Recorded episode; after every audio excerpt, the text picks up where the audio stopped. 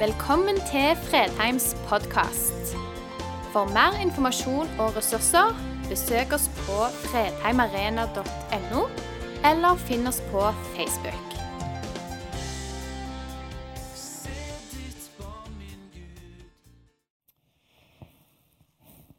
Ja, tro uttales tilgivelse. Eh, Behovet for tilgivelse, det er eh, så stort at det er vanskelig å egentlig få satt ord på det. Men en gang så gitt Peter til Jesus og spurte, 'Herre, hvor mange ganger skal min bror kunne synde mot meg, og jeg likevel tilgi ham?'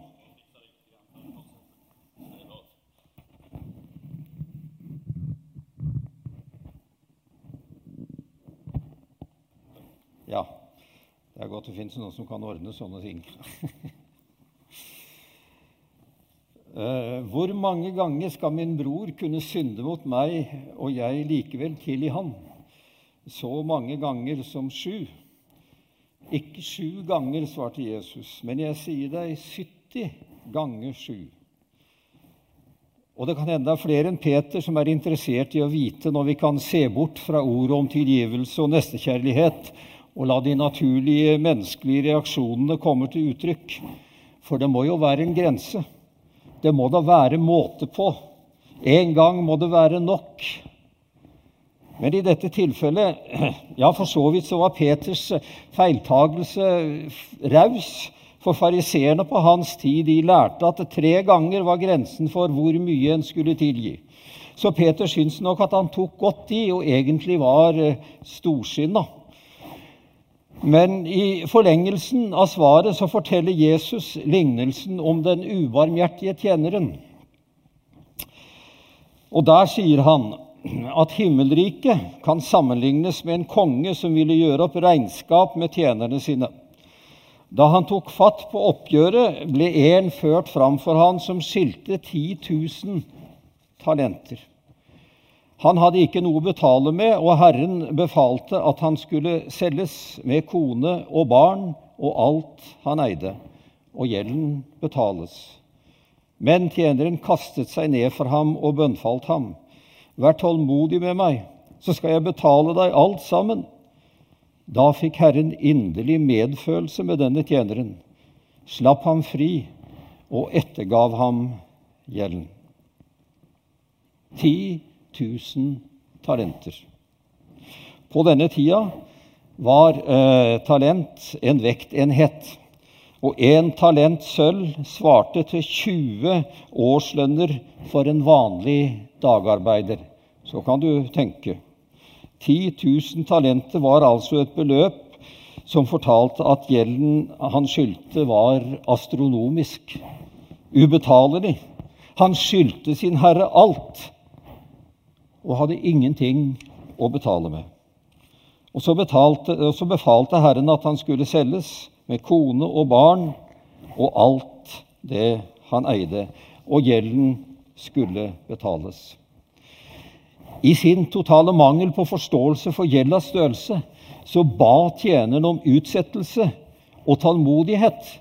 Han sa, 'Vær tålmodig med meg, så skal jeg betale deg alt sammen' hadde han egentlig fatta hva som hadde foregått. Men denne lignelsen som Jesus fortalte til Peter, den fortalte han samtidig til deg og meg. Fordi vi er alle regnskapspliktige. Du vet, Det er alltid noen som forlanger rapport om vår anvendelse av arbeidskraft, av tid og penger. Og det er sånn samfunnet fungerer, og sånn må det fungere. Er det da så merkelig at mennesker som er skapt av Gud, må avlegge regnskap for sitt liv ovenfor sin skaper? Bibelen sier at så skal da hver og en av oss gjøre Gud regnskap for seg selv. Hvordan ser ditt livsregnskap ut? Vi kan nok fort bli enige om at livet vårt, slik det er nedtegna i Guds regnskapsbok, og slik vi har levd det ut i tankene våre, i holdningene våre, gjerningene og ordene våre, det ender opp som et skyldbrev. som eh, forteller at vi står i gjeld og egentlig ikke kan gjøre opp for oss. For målt opp mot Guds fullkomne standard, sånn som den kommer til uttrykk i de ti bud, så kommer både du og jeg skremmende dårlig ut. Og eh, jeg vet ikke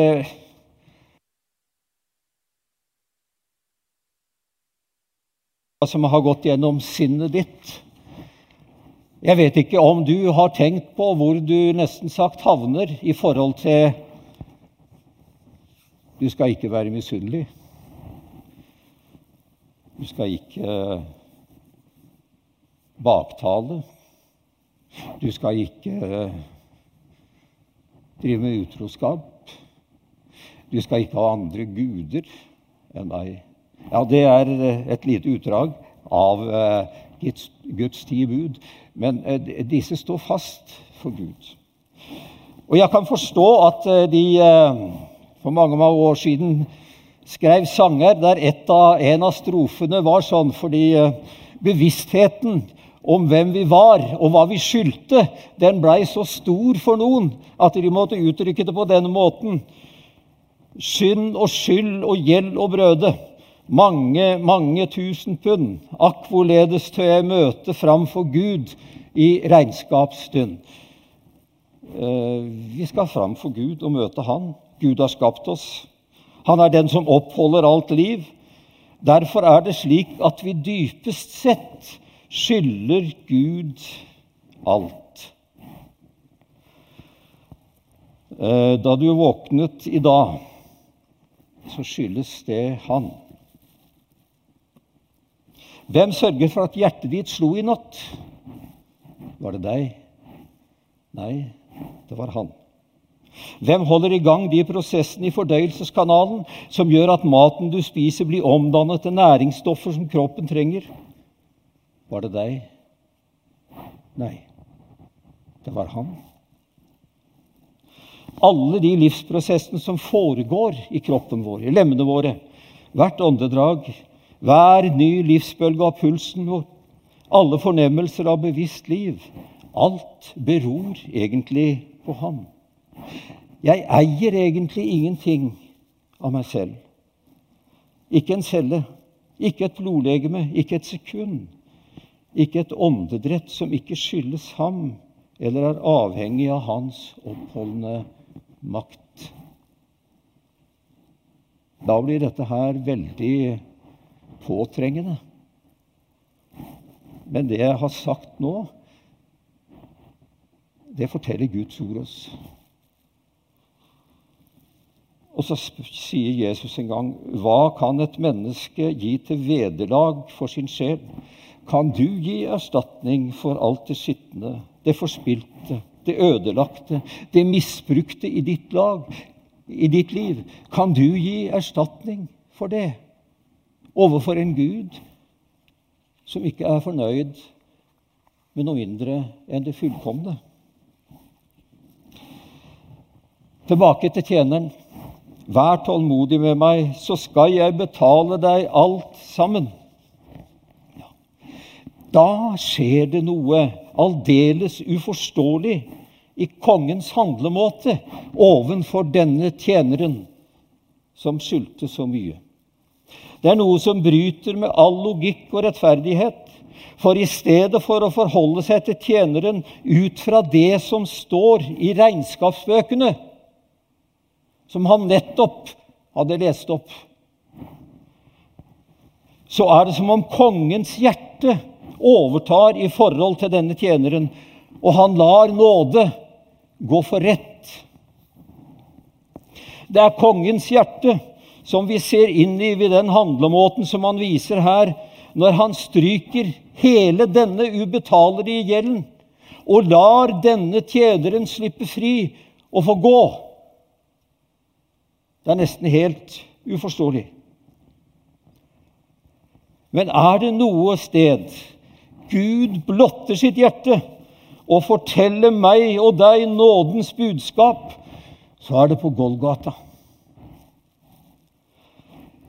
Da Jesus sto ansikt til ansikt med de som skulle eh, hente ham, fariseerne og de skriftlærde, og Judas i Getsemane, så kom de og hadde utrustet seg både med det ene og det andre av stokker og ting. Og så spør Jesus dem når han står ansikt til ansikt med dem, hvem er dere søker? Vi søker Jesus fra Nasaret, sa de. Ja, det er meg, sier han. Da var det som om de falt bakover, for så mektig var dette svaret. Og den personen som de nå sto ansikt til ansikt med. Og så sier han videre, mens han ser på og peker på disiplene. Hvis det er meg dere søker, så la disse gå. Det er det fantastiske og ubegripelige at uh, vi fikk gå.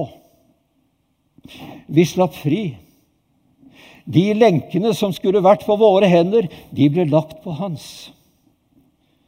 Så du er fri.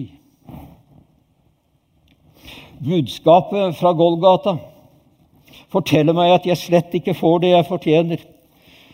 Du gikk for meg en blodig sti, og jeg som skyldig var, gikk fri. Jeg har forgjort meg Altså, jeg har gjort meg fortjent til straff og får tilgivelse. Jeg fortjener egentlig å bli rammet av Guds frede og får kjærlighet. En ubegripelig kjærlighet. Jeg fortjener fengsel og skam og får i stedet et reint rulleblad og et slettet gjeldsbrev. Jeg fortjener avvisning, harde ord og botsgang i forhold til Gud. Og i stedet får jeg dekket opp for meg en overflødig bankett. Det er nesten noe skandaløst over nåden og tilgivelsen slik den kommer til uttrykk her og i livet. Eh, professor eh, Ola Didrik Saugstad, eh, som hele sitt liv har gjort en heroisk innsats for nyfødte. Han er professor i nyfødt medisin og har tatt seg av de aller svakeste, kjempa for de aller svakeste i samfunnet. Og også for dem, for de ufødte. Han forteller i biografien sin at 'jeg satt på en gudstjeneste for noen år siden' og begynte å tenke på alt det gale jeg hadde gjort gjennom livet. Kjære Gud, sa jeg, du ser alt, sa jeg til meg selv. Da var det en stemme inni meg som svarte, jeg ser ingenting. Fikk du tak i det? Jeg ser ingenting. Det er slettet. Det er betalt. Det fins ikke mer. Det går an faktisk å rope halleluja når vi tenker på den sannheten. Jeg ser, du ser alt. Og så kommer svaret jeg, jeg ser ingenting.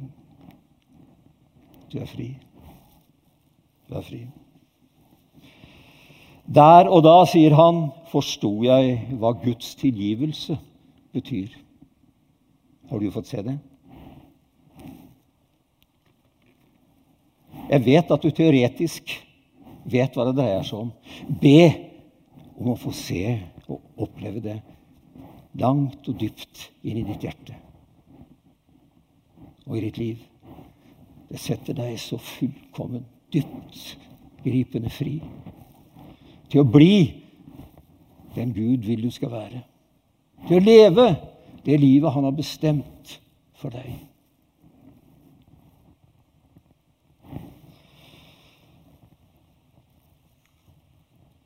Men eh, tilgivelsen av to sider, det er den jeg har prøvd å si noe om nå.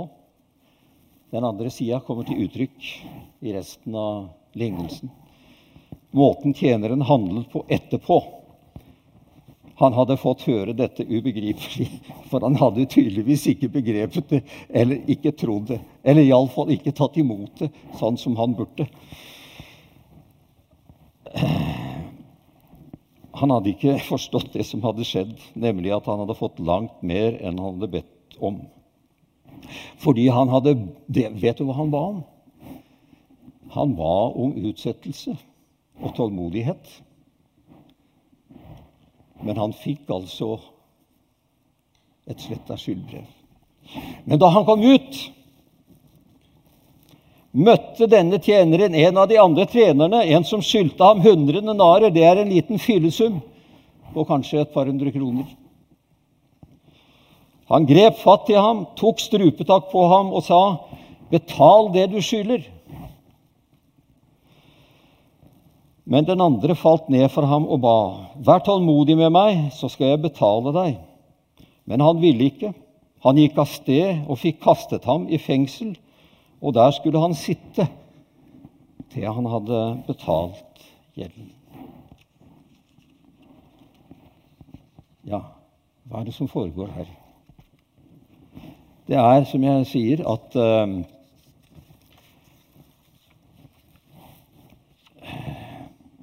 Det han hadde opplevd inne hos kongen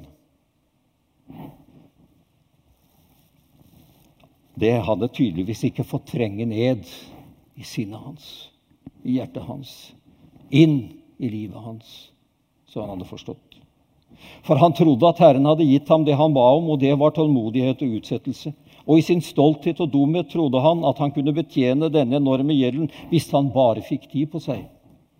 Men kongen forlenget altså ikke betalingsfristen, og i sin begripelige nåde så slettet han hele gjelden og rev i stykker gjeldspapirene. Men så trodde tydeligvis ikke denne tjeneren det han hadde opplevd. Ellers så hadde han ikke handlet som han gjorde etterpå. Han trodde og handlet som om han fremdeles var en skyldner med, med, med dommen og gjelden hengende over seg. Og fordi han fremdeles trodde at han hadde gjeld og måtte betale, så mente at han måtte arbeide og spare og innkreve det han hadde til gode hos andre. Så undersøkte han i sine egne regnskapsbøker og tenkte jeg må ha inn alle utestående beløp for å betale gjelda mi. Og det er den tanken som ligger til grunn for hans handlemåte mot sin medtjener. For når han kom utenfor, så gikk han altså rett i strupen på denne mannen og krevde å få igjen den lille fillesummen som medtjeneren lånte ham. Og mange av oss ligner denne tjeneren. Vi leser og hører om nåden, og i teorien har vi en flott nådeteologi. Vi tror på nåden med hodet, men så har det kanskje ikke trengt ned på dypet i vårt liv, i våre følelser, i våre holdninger overfor andre mennesker. Og ofte heller ikke trengt inn i vårt forhold til dem som vi har ganske nær oss. Og hvis vi ikke selv med hjertet tar imot Guds nåde og tilgivelse, så får vi problemer med å gi tilgivelse og nåde til andre. For den som ikke tror de er godtatt, godtar ikke andre. De som ikke tar imot tilgivelse, de har veldig vanskelig for å tilgi andre. Tenk på hvor ofte det slår ut, og har slått ut ovenfor mennesker rundt oss. Foreldre som kanskje såra deg da du vokste opp. Brødre eller søstre som sviktet deg da du trengte hjelp. De som mobba deg eller erta deg da du gikk på skolen. Kanskje en lærer. Venner som svek deg da du behøvde støtte. Så er det liksom som dette samler seg, og du tenker han tenkte jeg må ha erstatning for alle sår som jeg fikk. Du må få alle disse som skylder deg noe, alle som såret deg, sviktet deg, mobbet deg og avviste deg, til å betale sin gjeld.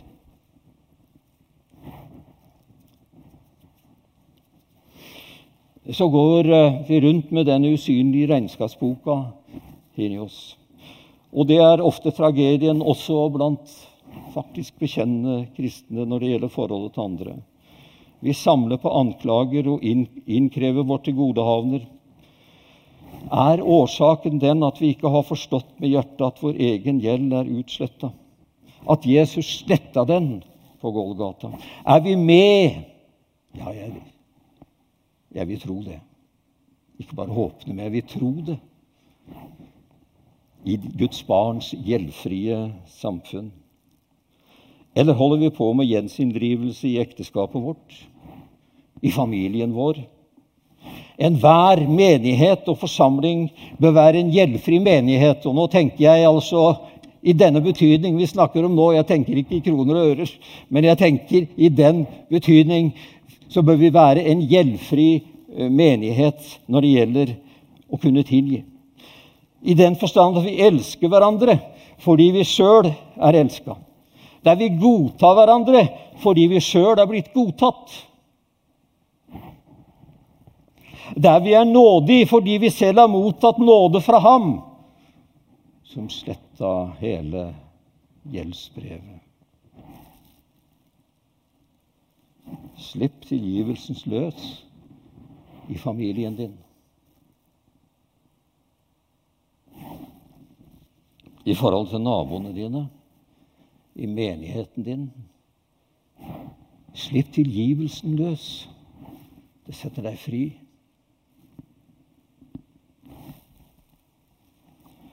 Og husk, det befriende med tilgivelsen blir ikke gitt oss hvis ikke vi er villige til å gi den videre. Forlat oss vår skyld, så som vi òg forlater våre skyldner. Og når det er spørsmål om tilgivelse, folk, er det ikke spørsmål om å sette vilja inn og ta seg sammen, men det er spørsmål om å ta et blikk på korset. der han hang, som betalte alt for hele verden.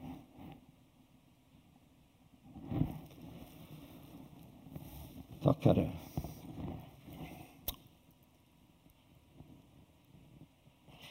det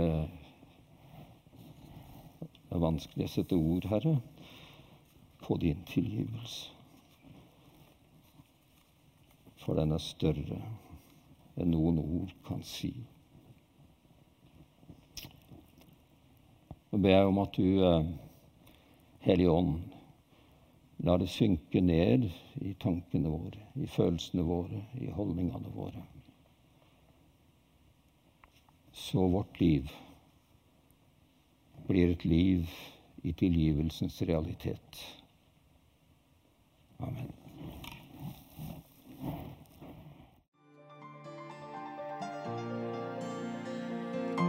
Takk for at du valgte å høre på. Nye opptak legges ut hver uke. Vi har gudstjenester hver helg, og du er hjertelig velkommen.